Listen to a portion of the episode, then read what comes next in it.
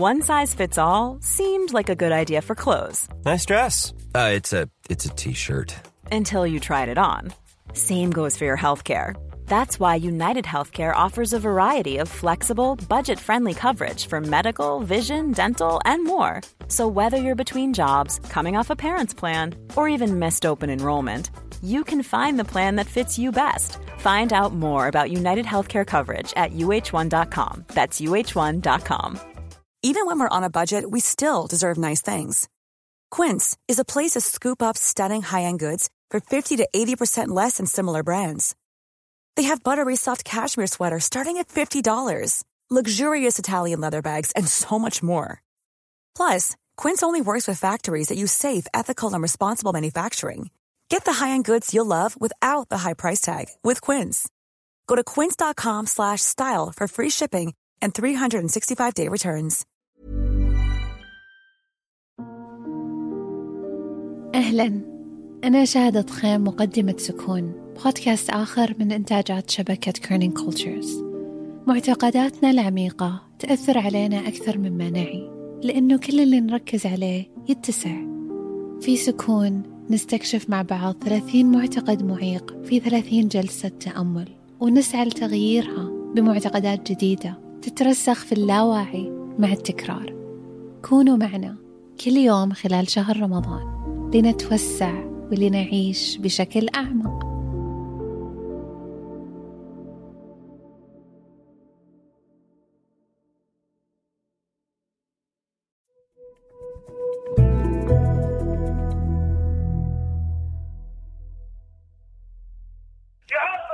يجري أنه قام مج... قامت مجموعة من المستوطنين بالاعتداء علينا وإحنا بنصلي المغرب اليوم وقاموا بإطلاق الرصاص الحي علينا. قبل ذلك داخل أنا- المسجد؟ قاموا ب- بإطلاق الرصاص الحي خارج المسجد. يعني قامت شباب وت- وتصدوا لهم و- واتصلنا للشرطة. أنا كثير خفت. أنا أنا كان عندي كان عندي هيك خوف إنه ممكن تكون مجزرة. وأنا برضو خفت كتير المناشدة اللي سمعتوها بالأول كانت مناشدة وصلت الراديو اللي بشتغل فيه بالناصري. كان يوم 12 5 2021 الساعة 8 و 28 دقيقة بالليل ليلة عيد الفطر. بهاي اللحظة كلنا بالمكتب حسينا إنه ممكن تكون مجزرة بالبلاد خصوصا بالليد بس ما صار. أنا ليلتها ما نمت وأنا أفكر. ليش نسينا الليد؟ أكبر وأقدم مدن فلسطين اللي بس أهلها بيعرفوها. اليد اللي دار عليها الزمن وعم تنهشها الجماعات الاستيطانية ليش نسيناها؟ بس السؤال الأكبر كيف رجعت وطلت علينا بشهر خمسة بالرغم من إن إحنا نسيناها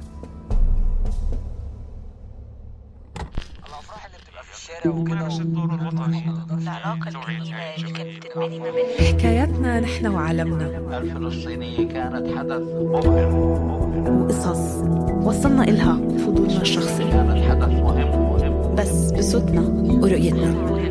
كل نواحي القصة. مسافات. مسافات. مسافات. برنامج مسافات. قصص يقودها الفضول. من إنتاج شبكة Kerning Cultures طيب إحنا بنبدأ الحلقة من نقطة أحداث حصلت في شهر مايو آه 2021 في مدينة الند اللي هي بتبعد حوالي 40 كيلو من القدس. بدأت عايدة الحلقة بتساؤل شخصي أخدها الأسئلة أوسع. ليه وهي على بعد أقل من 100 كيلو منها مدينة اللد كانت غايبة عن بالها؟ ده ما كانش سؤال عايدة لوحدها. الأحداث اللي حصلت في اللد وهي من مدن فلسطين الداخل في مايو 2021 خلت ناس كتيرة تراجع نظرتها للمدينة وعلاقتها بيها. أنا هبة عفيفي وده برنامج مسافات. منتجة حلقة النهاردة عايدة قعدان هتاخدنا معاها خلال خمس أيام محوريين في تاريخ اللد وهتحكي لنا من خلالهم كل اللي عاشته المدينة دي بعيدة عن العيون. لحد ما جت الأحداث دي وأخيرا سلطت النور عليها.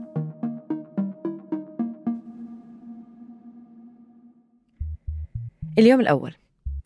كان تاريخ 10 5 2021 إحنا في الأيام الأخيرة لشهر رمضان. هاي الأيام بالعادة بتكون روحانية بشكل خاص. رمضان هاي السنة كان غير عندي.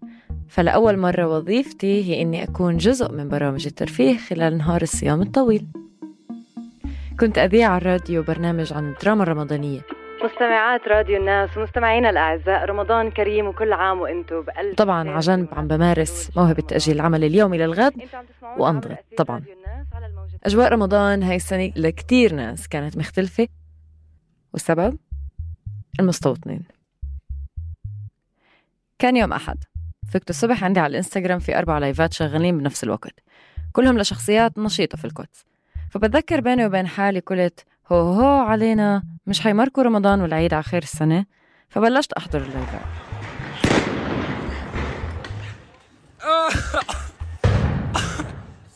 خلاصة الموضوع هي كالتالي الجيش اقتحم الأقصى يوم 10 مايو. هذا اليوم كان غير اعتيادي فكانت العشر الأواخر لشهر رمضان. الناس من القدس ومن برات القدس بتعتكف بالأقصى بهاي الأيام وكانوا عم بمروا بتضييقات أصلا. وحتى منعوا إنهم يقعدوا على درج باب العمود اللي هو رمز من رموز رمضان بالقدس. دخلت المكتب والجو العام كان أشبه بمعركة بمجزرة. ارتباك تام. تتذكروا اقتحام شارون للأقصى سنة 2000 شرارة الانتفاضة تبعت الأقصى؟ يمكن حتى أسوأ منها. كانت الأحداث عم تتسارع بشكل استثنائي بكل فلسطين.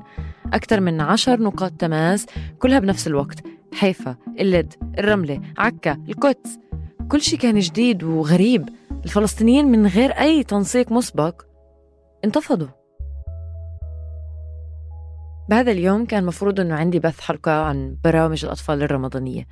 بس يعني كيف ممكن بظل هاي الأحداث أفوت على الهواء أفتح الميكروفون وأحكي عن هيا إلى المناهل والبلاد رايحة باتجاه انتفاضة؟ فاتفقنا أنا ومديري إنه أغير تعريف وظيفتي وأنتقل من تقديم البرامج لمونتاج الفيديوهات والصور والتوثيق. وهيك صار. بعشرة خمسة أزمت الأمور في القدس. وطبعا اللي تلقت الضرب القصوى كانت غزة. نعم بحسب المعلومات هناك آه، مواجهات آه، تندلع بين المواطنين الفلسطينيين نزلت البلاد العربية مظاهرات. أم الفحم الناصرة حيفا القدس طبعا من الأول لكن المفاجأة الأكبر كانت باللد وصار إنه الناس يعني لدرجة قبل بيوم كانوا بيقولوا إنه كيف عم بيطلعوا مظاهرات باللد مش عم بيطلع مظاهرات. إنه بدنا. و... وكان بالضبط بادي القصف على غزة بنفس الساعة. هاي فداء. فداء شحادة لاجئة من مدينة المجدل أو عسقلان اللي هي أكبر وأقدم مدن فلسطين التاريخية فداء عاشت وربيت باللد اللي هي كمان أكبر وأقدم مدن فلسطين المستعمرة اليوم. وكان خبر يعني إنه استشهدوا تسعة أطفال. إيه ونزلنا على المظاهرة بس. يعني رايحين عشان يحتجوا يقولوا إنه لا. وكانوا يهتفوا يعني هتافات إيه وطنية. وعلى فكرة فداء كمان عضوة بلدية في اللد مع إنه اللد لكتير منا هي بلدة فلسطينية إلا إنه رح نشوف خلال هاي الحلقة قديش قضيتها شوي معقدة أكثر. خاصة بكل ما بتعلق ببلدية اللي بتقودها جماعات استيطانية. ووجود فداء وفلسطينيين تانيين فيها هو مش إشي سهل. يعني كان لي حتى لحظات صعبة بالأول إنه فجأة الناس كأنها بتتعامل معي شوي إني أنا بلدية أو أنا لازم أكون جوا. بينما أنا بحب يعني بحب المحل التاني بحب إني أكون بالشارع وأعترض كل الوقت. يمكن بتسألوا نفسكم زي ما أنا سألت نفسي أول ما سمعت القصة دي. ليه اللد بالذات؟ الاحتلال فرض تركيبة معقدة على الواقع الفلسطيني وفرض تقسيمات وتسميات على الأرض ما بين الضفة الغربية والمناطق المحتلة عام 48 عايدة النهاردة هتفكك لنا جزء من التركيبة دي وهنفهم إيه الاستثنائي في وضع اللد بالذات. نرجع لليوم الأول 10 5 ل 2021 مظاهرة اللد بلشت الساعة 9 ونص بالليل بعد صلاة التراويح. ومثل أغلب المظاهرات اللي بتصير ضد ممارسات دولة إسرائيل بقمعوها بس عادة بقمعوا المظاهرات بعد نص ساعة ساعة من الهتافات.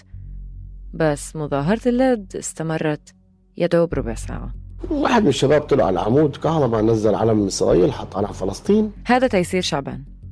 هو محامي من اللد وكان هناك مع أولاده وعائلته وبس تفاقمت الأمور. زي كيف رح نسمع لقدام أسس رابطة محاميين اللي مثلت أكثر من 200 معتقل. أيوة 200 معتقل. ولسه هذا ولا إشي. إنه ننزل نعلق يعني على العواميد نعلق إعلان فلسطين هاي كانت بقوة يعني انعملت. بس من هاي اللحظة كل إشي انقلب. وكل مرة بتطلع فيها مظاهرة بفلسطين الداخل بيقمعوها من الشرطة الإسرائيلية والقوات الخاصة مش إشي جديد. بس هاي اللحظة كانت خرافية. لحظة لما طلع الشاب اللي داوي على العمود وبدل علم إسرائيل بعلم فلسطين. هناك انقلبت الموازين تغيرت معنويات الجميع. يمكن بهاي اللحظة اللد رجعت حالها رغما عن الكل على الوعي الفلسطيني. بس هي وين كانت قبل؟ الموضوع يا سادتي الأعزاء هو مش بس اللد. القضية كلياتها هي قضية المدن المختلطة أو بشكل أكثر politically correct مدن فلسطينية مستعمرة. بس شو يعني هذا المصطلح؟ خلونا نرجع شوي لسنة 1948 الحركة الصهيونية استهدفت أجمل المدن مدن الساحل مثل يافا، حيفا، عكا، اللد والرملة. هسا صحيح اللد والرملة مش ساحليات لكنها مش أقل استراتيجية عن مدن ساحلية. هجروا السكان فرغوا المدن وصارت المعادلة إنه هي مدن فلسطينية بأغلبية إسرائيلية وأقلية فلسطينية. بتحكمها سلطات ومؤسسات إسرائيلية. عال عال. طبعا هذا كلياته بيجي بشكل ضمني مصحوب بسياسات قمع وعزل وطمس الهوية الفلسطينية العربية. نرجع لليوم الأول. ضربوا غاز بعدها ضربوا مطاط بعدين ضربوا رصاص حي بالهواء بعدين ضربوا آه، قنابل صوت. يعني آه، آه، معركة. كل معنى معركة يعني يعني باللحظات هاي أنا موجود هناك كأب وكنت كل وقت قلق على أولادي يعني على مدى نظري يعني شايفهم فجأة اختفوا من من قدامي. ما شفتهمش فأنا مش عارف أنا غاز من جهة وبنستنشق غاز ودموع ومش شايفين منيح وكله دخنة. الشغلة صارت إنه أنت شعر إنك أنت بغزه ساعة معركه يعني ضل بس يكسفونا بس. وفجاه بوصل آه، خبر استشهاد أربع أشخاص استشهاد ثلاثة أربعة مش عارفين بعضهم توصل سريع ومش واضحة وفي شهداء فصارت كل البلد. طفوا المستوطنين واستشهد الحين. ولد. طفوا واستشهد في إصابات. يا الله. لا تواني تواني تواني. كيف يعني شهيد في اللد؟ شهيد في الداخل. إنه مين قتلوا؟ الشرطة الجيش الإسرائيلي؟ مين؟ يعني كيف تحولنا من مظاهرة إسناد لحي الشيخ جراح وغزة لشهيد في اللد؟ شو اللي صار بالنص؟ أسئلة عايدة وتعطيها مع الموضوع استوقفتني. خليتني أسأل هو إيه اللي بيخلي الحدث ده استثنائي مع إنه بكل أسف بنسمع عن مقتل فلسطينيين من مدن ومناطق تانية وبيكون رد الفعل عليها مختلف؟ بس في حاجة يمكن كتير مننا خارج فلسطين مش بيدرك حساسيتها. هي إنه الفلسطينيين اللي بيعيشوا داخل المناطق المحتلة عام 48 بيحملوا أوراق ثبوتية إسرائيلية. يعني في نزاع مختلف على مستوى الحقوق والمواطنة. نرجع لأحداث اليوم. بعرف إنه وإحنا واقفين عند المسجد صار يطلع خبر إنه المستوطنين بينزلوا مظاهرات ل مع إعلام إسرائيل. عشان عشان موضوع إنه إحنا رفعنا علم فلسطين وإنه هاي البلد يهودية و... وإن هم رح ينزلوا كمان بيثبتوا وجودهم بإعلام إسرائيل. بهاي اللحظة المظاهرة بالليل بتكون صارت متفرقة وتحولت أكتر لساحة حرب. اللي ميز هاي الهبة شهر خمسة هو سرعة تناقل المعلومات. الأخبار كانت توصل بسرعة قياسية على شكل صور وفيديوهات. وبهاي اللحظة كان خبر استشهاد شاب من اللد منتشر على شكل فيديو بكل مجموعات التليجرام والاستنفار كان كتير كبير. أنا حدا تقريبا بصورش يعني التليفون معي لألو هيك أول مرة بفتحه يعني وبصور. فبفتح التليفون وبصورهم يعني انه ان هم مطخوخين حي يعني. إيه. عيسى كان هيك يعني كان ابن عمتي وكان أخوي فابن عمتي مسك إيده هيك وقعد جنبه كنا فاهمين إنه هو عايش. موسى يعني كيف انرفع وكيف انحط يعني أنا مش دكتورة بس. يعني حتى إيده ما يعني كانت بتسحل لما حد بجرب يمسكها ف فزي اللي فهمنا إنه هو ميت. بالساعة اللي فيها تأكد الخبر بالليل عرفنا إنه للشهيد في اسم واسمه موسى حسوني. بس ما عرفنا مين اللي قتله.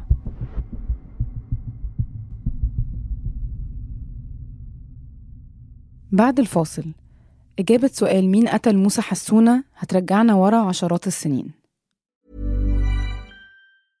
I'm Sandra, and I'm just the professional your small business was looking for. But you didn't hire me because you didn't use LinkedIn jobs. LinkedIn has professionals you can't find anywhere else, including those who aren't actively looking for a new job but might be open to the perfect role, like me. In a given month, over 70% of LinkedIn users don't visit other leading job sites. So if you're not looking on LinkedIn, you'll miss out on great candidates like Sandra. Start hiring professionals like a professional. Post your free job on linkedin.com/achieve slash achieve today. Millions of people have lost weight with personalized plans from Noom, like Evan, who can't stand salads and still lost 50 pounds. Salads, generally, for most people, are the easy button, right? For me, that wasn't an option. I never really was a salad guy. That's just not who I am. But Noom worked for me. Get your personalized plan today at Noom.com. Real Noom user compensated to provide their story. In four weeks, the typical Noom user can expect to lose one to two pounds per week. Individual results may vary.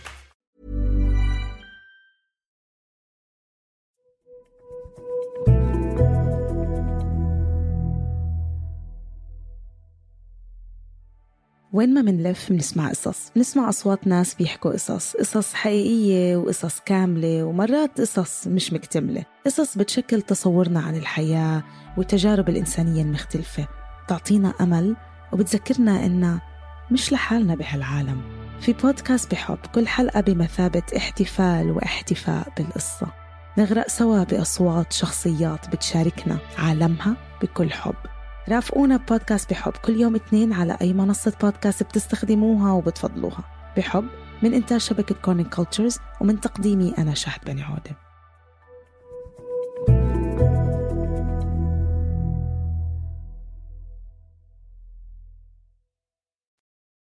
نكمل قصتنا. عشان نفهم أحسن مين اللي قتله وليش هذا المشهد استثنائي؟ ضروري نرجع للتسعينات. لب التسعينات كانت عاصمة السموم تحت الشرق الأوسط. رامي يونس ابن اللد صحفي ومخرج أفلام وثائقية وغلبوه شوي بالإعلام الإسرائيلي بهاي الفترة. إحنا كنا بالتسعينات آه، عايشين الإشي آه، تقريبا لحالنا. ما كان في كمان المجتمع الفلسطيني بالداخل بتعاني من كمية العنف اللي إحنا كنا نعاني منها والسلاح والإجرام. طب هذا كله كان بدعم من الشرطة. اليوم مع كل الأسف بالموضوع كل المجتمع الفلسطيني في الداخل غرقان ببركة العنف والجريمة. بس بالتسعينات وبداية الألفية اللد والرمل ويافا كانوا مترأسات سمعة مركز السموم وبالتالي جريمة طبعا. فهاي الحقيقة عن اللد والرملة خلقت خوف من ناسها من أهلها وبالتالي خلقت شرخ عن باقي البلاد الفلسطينية. إحنا جزيرة. إحنا بنحس إنه الرملة لد يافا إحنا جزيرة. إحنا مقطوعين عنكم ثقافيا وطنيا جغرافيا اللي بدكم إياه. للأسف اللي عم بحكيه رامي صح. أنا مثلا من باقي الغربية. مدينة قضاء فلسطين وموجودة في مركز شمال البلاد. بقدر أقول إني بعرف كم شخص من اللد من أيام الجامعة أو النشاط الاجتماعي يعني ناس اللي بتجمعنا دوائر فعالة سياسيا أو دوائر فنية باختصار الناس اللي حاولت تغرد برا السرب والتقينا. لكن ما بقدر أقول إني بعرف أهل اللد أو اللد يافا والرملة كبلاد. أصلا أول مرة دخلت اللد حقيقة وقضيت فيها أيام ومشيت بشوارعها وعرفت شكلها كانت وأنا أسجل المقابلات لهاي الحلقة. فكل الأخبار اللي كانت توصلنا عن اللد والرملة كانت أخبار إجرام وقتل وسموم وغيرها. بحبهاش صراحة رواية الداخل. إيه لا بحب موضوع إنه مخدرات ولا عنف. واحد لأنه يعني لما تربيت ما شفتهمش. يعني أنا كطفلة بحياتي ما ما شفتش إيه المشهد. كنت أشوفه على التلفزيون بس ما كنت- ما كنتش أشوفه بالشارع وكان مراتي خربتني حتى. كل هاي العوامل أدت لخلق أفكار مسبقة عند الناس وبالتالي إقصاء قمع وحتى ممكن في البعض سمح لحاله إنه يقيم ليبل الفلسطينيين عن أهل هاي المدن. آه وكمان شغلة مهمة المواطنين العرب في إسرائيل بيقدروا يقدموا قضاياهم ويوصلوا أصواتهم وطلباتهم اللي بتخص الأمور الحياتية من خلال إشي اللي بسموه لجان متابعة عربية. بس مثلا اللد ما في إلها ممثلين بلجان المتابعة هاي لأنه رئيس البلدية الإسرائيلي.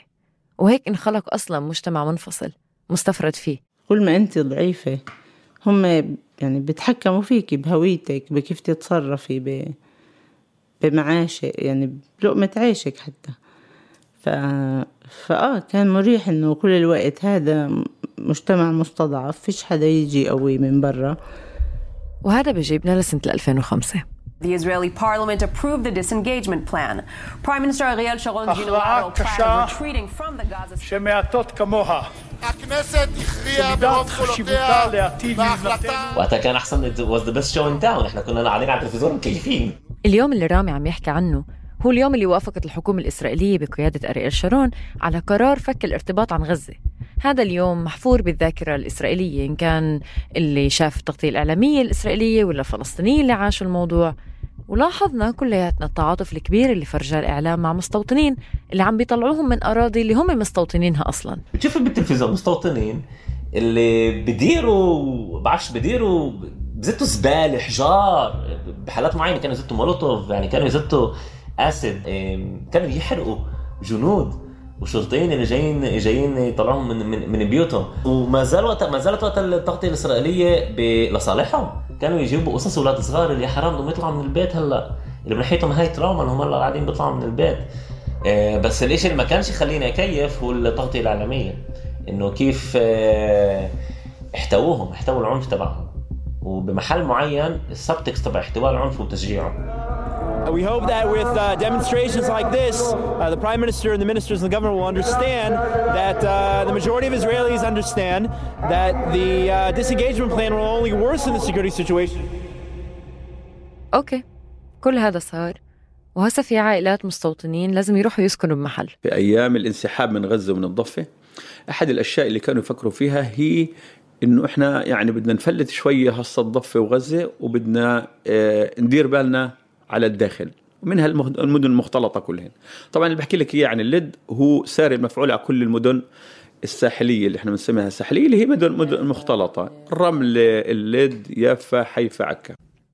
فيعني باختصار المستوطنين طلعوا من غزة بهذا المشهد الدرامي واستوطنوا بمدينة جديدة اللد. وبما إنه الحديث كان عن تعاطف إعلامي كتير كبير معاهم فدخولهم على اللد كان سلس وحتى كان ممنهج. بس ليش اللد؟ السبب هو كلمتين النواة التوراتية النواة التوراتية هي مجموعة مستوطنين تحت تيار الصهيونية الدينية واللي قررت تنظم حالها لتستوطن بمناطق اللي هي غير محافظة دينيا طبعا من الناحية اليهودية فتأسسوا سنة 96 في مدينة اللد حي رمات إشكول الهدف؟ فرض طابع يهودي قومي على المنطقة وتعزيز الاستيطان وتركيزهم الأساسي كان على المدن الساحلية المختلطة عرب وإسرائيلية. وهيك بدوا يشتغلوا بطريقة إنهم آه، كيف يعيدوا الحارات اللي كانت يهودية. بعد هيك صارت عربية كيف يعيدوها تصير يهودية مرة أخرى؟ عشان تيجي جماعات استيطانية وتلاقي قوة في بلاد معينة بتخيل لازم تكون عم بتوفر بديل لإشي موجود ومش ناجح أو إنها تستغل فشل معين. باللد كانوا مشروع ناجح بما إنهم بيجوا عليها من غير بلدية. فاللد من سنة 99 لحد ال 2013 كانت تحت حكم ما يسمى لجنة حكومية معينة يعني مش من منتخبي الشعب يعني الدولة عينت هدول الناس اللي ما لهم علاقة في اللد فالنواة التوراتية شافوها فريسة سهلة وراحوا. فهم بهاي السنين بيستغلوا الفرصة وبيجوا بيقولوا إحنا بيقولوا للبلدية انت مش عارفة تعطي خدمات انت بدك تسدي ديون وهذا وهذا إحنا بنسير الخدمات. فهم فعليا بيصيروا بالم- المجتمع العربي بهذا الوقت بحسش فيهم لأنه هو هو بيعطيناش خدمات إحنا فيش بيننا وبينه أي تواصل هو بصير يدي خدمات لليهود. وهيك بيشبك اليهود اللي باللد فيه بربطهم فيه. فحتى الناس اللي هم مش النواة التوراتية دعموا النواة التوراتية. حتى الناس اللي هم إسرائيليين عاديين دعموا النواة التوراتية. اتضح أنه للنواة التوراتية في موقع إنترنت. clod.org.il دخلت على الموقع. في صفحة البيت أول ما نفتح الموقع منشوف صورة لحقل ورود صفراء وبالنص هيك وردة لحالها حمراء مفتحة. ومكتوب كن جزء من شيء كبير. النواة التوراتية في اللد نحول حلم إلى حقيقة. نزلت شوي تحت بالموقع. طبعا شو لقيت؟ لقيت رسالة مباركة علنية من رئيس بلدية اللد يائير رافيفو ببارك للنواة التوراتية في اللد كونها الأكبر في البلاد وبيقول فيها النواة التوراتية هم السكان الأكثر جودة في اللد ويساهمون بشكل كبير في المدينة ومسؤولون عن تعزيز وضعها كمدينة مستقلة في وسط البلاد. حيث يشارك أعضاء النواة في الحياة المجتمعية وهم شركاء في مجالات متنوعة وقيمة في المدينة. منها التعليم، الرفاهية، الثقافة، الأمن، تحسين مظهر المدينة وتقوية الصورة الإيجابية للمدينة وبالطبع تعزيز الطابع اليهودي في اللد عندما نرى جماعات النواة التوراتية تتسع في جميع أنحاء المدينة فإن القلب يتسع أيضا. القلب يتسع. بس قلب موسى وقف على يد أنفسهم المستوطنين اللي رئيس بلدية اللد حياهم وحتى قال إنهم بيوفروا الأمان للد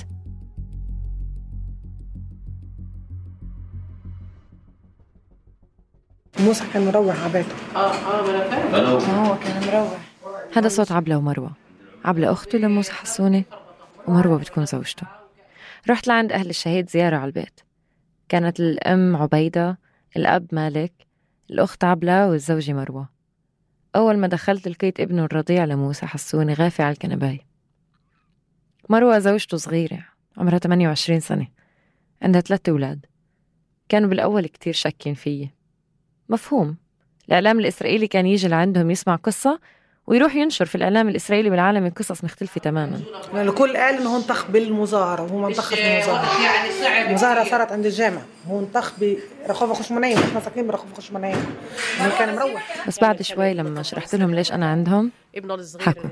عنده ثلاث أولاد. ابنه الصغير طبق السنة لسه فيش له أسبوع. وهي هذا الولد يعني الله بيعلم نفسيته قديش تعبت صار عنيف صار يضرب صار وبنت وبنته صف أول. بتراجع بضلها سرحانه بضلها صافنة إيش اللي صار؟ لهلأ الأولاد أنا نفسي مش قادرة أصدق إنه موسى الله يرحمه استشهد وصلنا اليوم الثاني 11 5 2021 اليوم الأول كيف ما أنتم سمعتوا كان كتير ثقيل وطويل الأطول على اللد يمكن وكان فعلا علامة فارقة. خبر استشهاد موسى حسوني هز كل الناس بفلسطين. فكرة إنه فلسطيني حامل للهوية الإسرائيلية يقتل على يد مستوطن في بلد مثل اللد عملت أزمة كتير كبيرة عند الجميع. كنا عارفين إنه إحنا باتجاه تصعيد كبير. الساعة خمسة ونص المساء. طلعت جنازة موسى حسوني. ويا شهيد ارتاح ارتاح يا شهيد ارتاح ارتاح طلعوا أهل اللد بالآلاف يشيعوا الشهيد وهو مكفن بالعلم الفلسطيني. وهم نفسهم حاملين الأعلام الفلسطينية. تتذكروا إنه قبل أقل من 24 ساعة لما رفع علم فلسطين واحد عملت أزمة؟ وبنفس لحظة التشييع كانت أنباء متسارعة عم توصلنا من كل محل.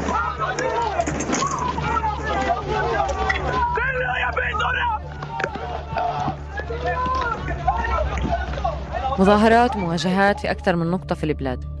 وبالليل؟ بالليل ولعت. بكل المدن الفلسطينية. اعتداءات بسلاح الضرب والإحجار حرق سيارات هجوم على منازل فلسطينيين فيها فلد عكا حيفا وأماكن أخرى وحرب على غزة. وشو كمان؟ أعلنوا عن اللد منطقة عسكرية مغلقة. إذا مواجهات تندلع الآن بين مواطنين يهود ومواطنين عرب في عكا. المواطنين اليهود يعتدون على الممتلكات العربية هنا في مدينة عكا. كما علمنا الآن أيضا تم الاعتداء على سوبر ماركت اليوم الثالث 12 5 2021 الوضع كان بس عم بتفاقم. هجمات المستوطنين كانت بس عم تاخذ شكل أعنف. الليل شبك مع النهار. آخر أيام رمضان الناس خايفة تطلع من بيوتها تشتري أغراض للعيد أو تحضر حالها. الذي يجري أنه قام مج... قامت مجموعة من المستوطنين. بالاعتداء علينا وإحنا بنصلي المغرب. اليوم وقاموا بإطلاق الرصاص الحي علينا. الساعة 8 و28 دقيقة المساء. أول يوم إغلاق عسكري في اللد دقائق بعد صلاة المغرب. ببلش صوت رصاص بساحة المسجد الكبير والناس عم بتصلي. ما حدا غادر يدخل اللد ما هي مغلقة عسكريا. وسيلة أهل اللد إنهم يستنجدوا كانت من خلال ال social media. يفتحوا live على الإنستغرام أو يطلعوا على الراديو. الإعلام الإسرائيلي حاول كتير إنه يحول الهبة الشعبية لهبة دينية. أقحموا موضوع الكنس وكتب التوراة بالنص. مع إنه بالحقيقة الموضوع مش هيك. هو ببساطة بلش من حق الناس تطالب بحريتها. تساند أهلها بالشيخ جراح وغزة. فكيف تحولنا من صوت فلسطيني بنادي بالحرية لحرب مبنية على أسس دينية طائفية؟ هي لعبة. لعبة إعلامية They allowed Israeli settlers to riot and to uh, uh, harm Palestinians in the city. Uh, and יוצאים we have מהציבור countless הערבי evidence uh, showing ופוגעים them, the ביהודים Israeli באשר הם police יהודים. officers. אה, אני בפירוש אומר, זה לא כל הציבור.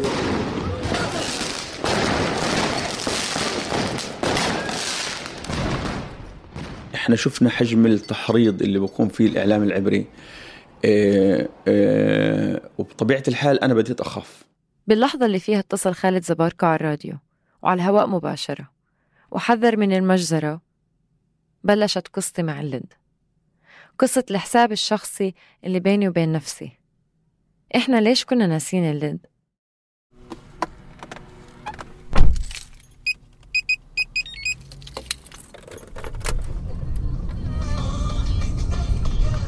عشان هيك قررت إني أروح على اللد أفحص لحالي. لما وصلت اللد كان يوم جمعة. اللد كانت شبه فاضية. لوهلة هيك حسيت نفسي بمدينة أشباح. معقول هاي نفس اللد اللي كانت مشعللة بشهر خمسة اللي فات؟ شوارع المدينة الرئيسية إلها شقين. شق عمارات عالية وشق في بيوت أرضية مع حواكير. لحالي فهمت إنه على اليسار يهود وعلى اليمين عرب. يعني وين في عمارات عالية يهود ووين في عمارات واطية وبيوت وحواكير ومهملة كان عرب. توجهت مباشرة تجاه البلدة القديمة باللد. وصلت البلدة القديمة. صفيت السيارة ونزلت. شعرت إنه الزمن هيك شوي وقف قبل مئات السنين هناك. البيوت قديمة الأسوار يعني شوي وبتوقع المساحة الأكبر بالسوق تحولت لموقف سيارات قريب من سوق خضرة وفواكه. قبل هذا اليوم أنا كنت مؤمنة إني واعي لخصوصية البلدات العربية في الأراضي المحتلة. ما أنا ساكنة بوحدة منها. كلنا منتشارك نفس المصير. بس شو مع اللد؟ للد في نسختين أو فكرتين. نسخة الضفة والشتات ونسخة أهل الداخل. يعني النسخة الرومانسية اللي بنعرفها من الأغاني ومن القصص والنسخة الإقصائية. إنه اللد بلد الإجرام والسموم أو بلد الأسرلة. اللي بروحوا ضحيتها أهل اللد الناس ضل في إشي بقلبها اللي هو بتبع للهوية. حتى لو مش عم بيصير أي وعي أو ما حدش عم بيشتغل معهم أو بقولهم طريق يعني إذا بتلفي بالشارع على الأغلب يعني ما حدش يعرف يقول لك جغرافية فلسطين أو شو صار بالضبط بالنكبة. بس راح أقول لك إنه هو فلسطيني عشان في إشي كان بضله بقلب الناس هناك. يعني الناس آه بتوقف لهدم بيوت توقف بمظاهرات. بس أغلب حياتها هي مشغولة باليوم يوم يعني. لحد قبل شهر.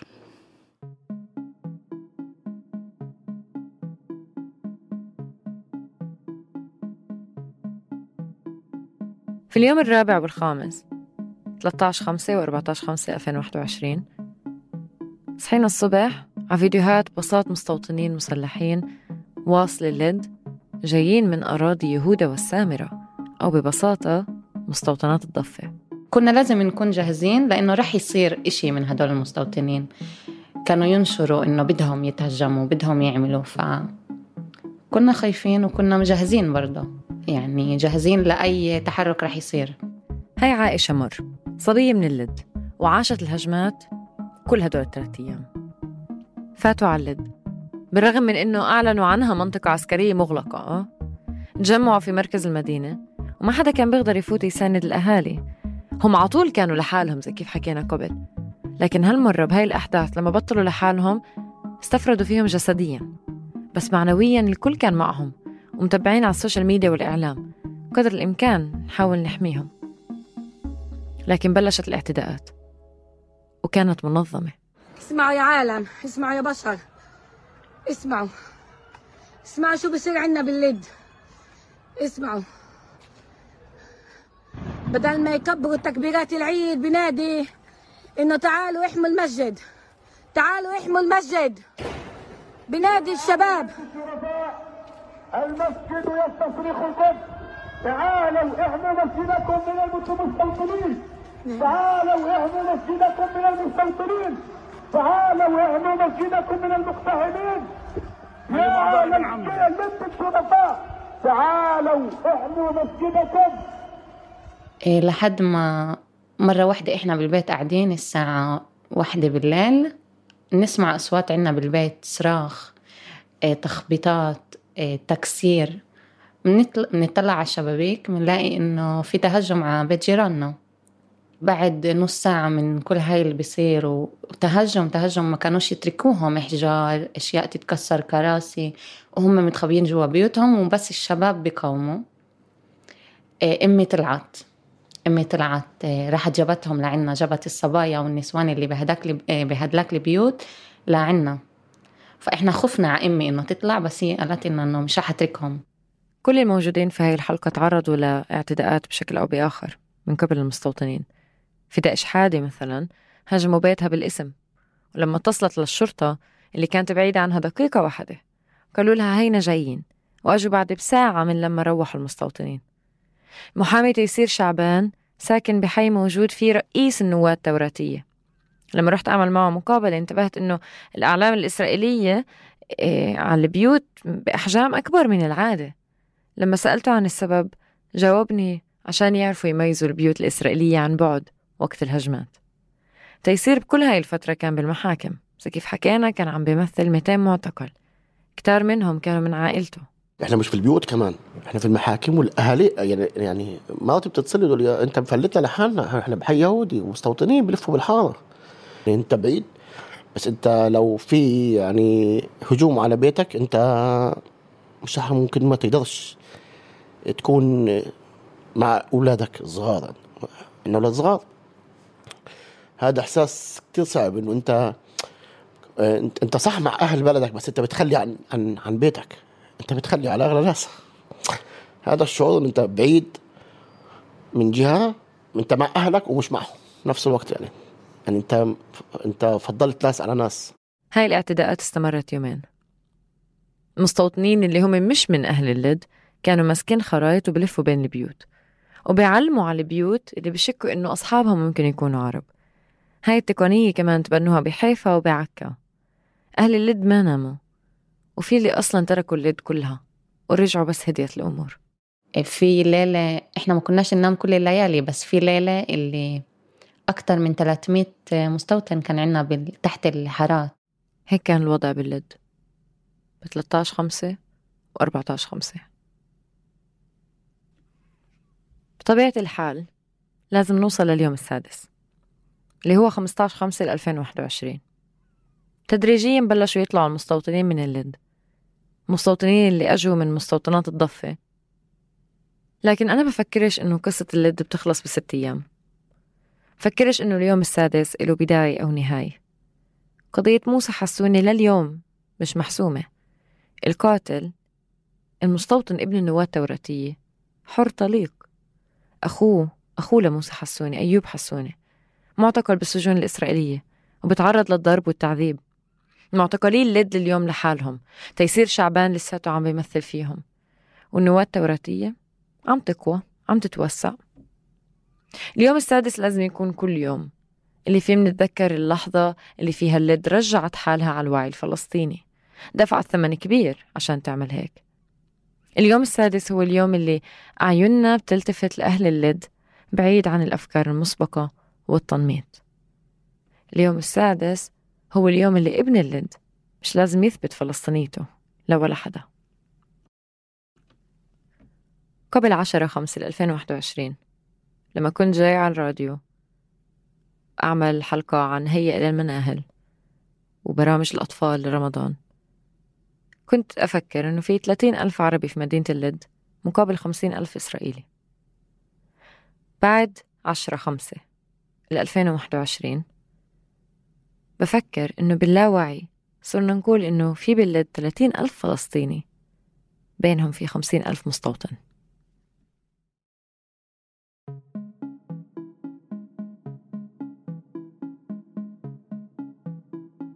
حلقة النهاردة من إنتاج عايدة قعدان تحرير رند غطير وشهد بني عودة مونتاج دينا سالم تصميم صوتي بول ألوف تدقيق حقايق تمارا جبوري فريق التسويق بيلا إبراهيم وسمية أبو عبد الله. إذا عجبتكم الحلقة يا ريت تشاركوها مع أصحابكم خاصة اللي لسه ما اكتشفوش عالم البودكاست. وتعملوا اشتراك في قناة البرنامج على أي منصة بودكاست بتستعملوها وتعملوا تقييم للحلقة. ده هيساعدنا كتير إن الناس أكتر تلاقينا. وإذا حابين تدعمونا عشان نقدر نستمر في إنتاج حلقات زي دي روحوا patreon.com slash kerningcultures. وإذا حابين تشوفوا تفاصيل أكتر وصور من كواليس الحلقة روحوا على حسابات Kerning Cultures على مواقع التواصل الاجتماعي. برنامج مسافات من إنتاج شبكة Kerning Cultures شكرا للاستماع وهنشوفكم في حلقة جديدة كل يوم جمعة.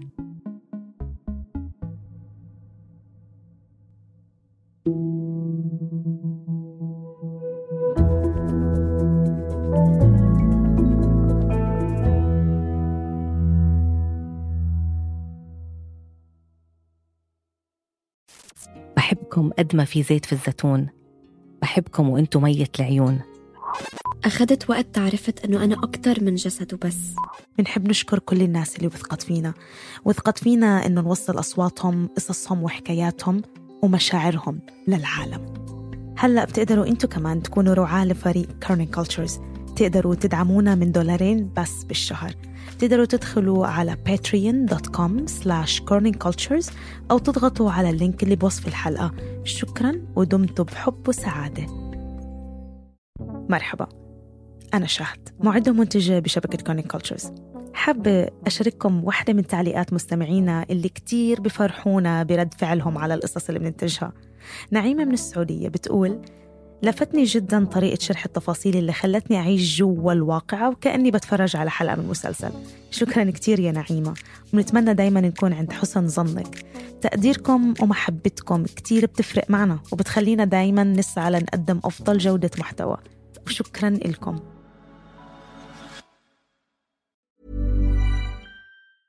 Even when we're on a budget, we still deserve nice things. Quince is a place to scoop up stunning high-end goods for 50 to 80% less than similar brands. They have buttery soft cashmere sweaters starting at $50, luxurious Italian leather bags, and so much more.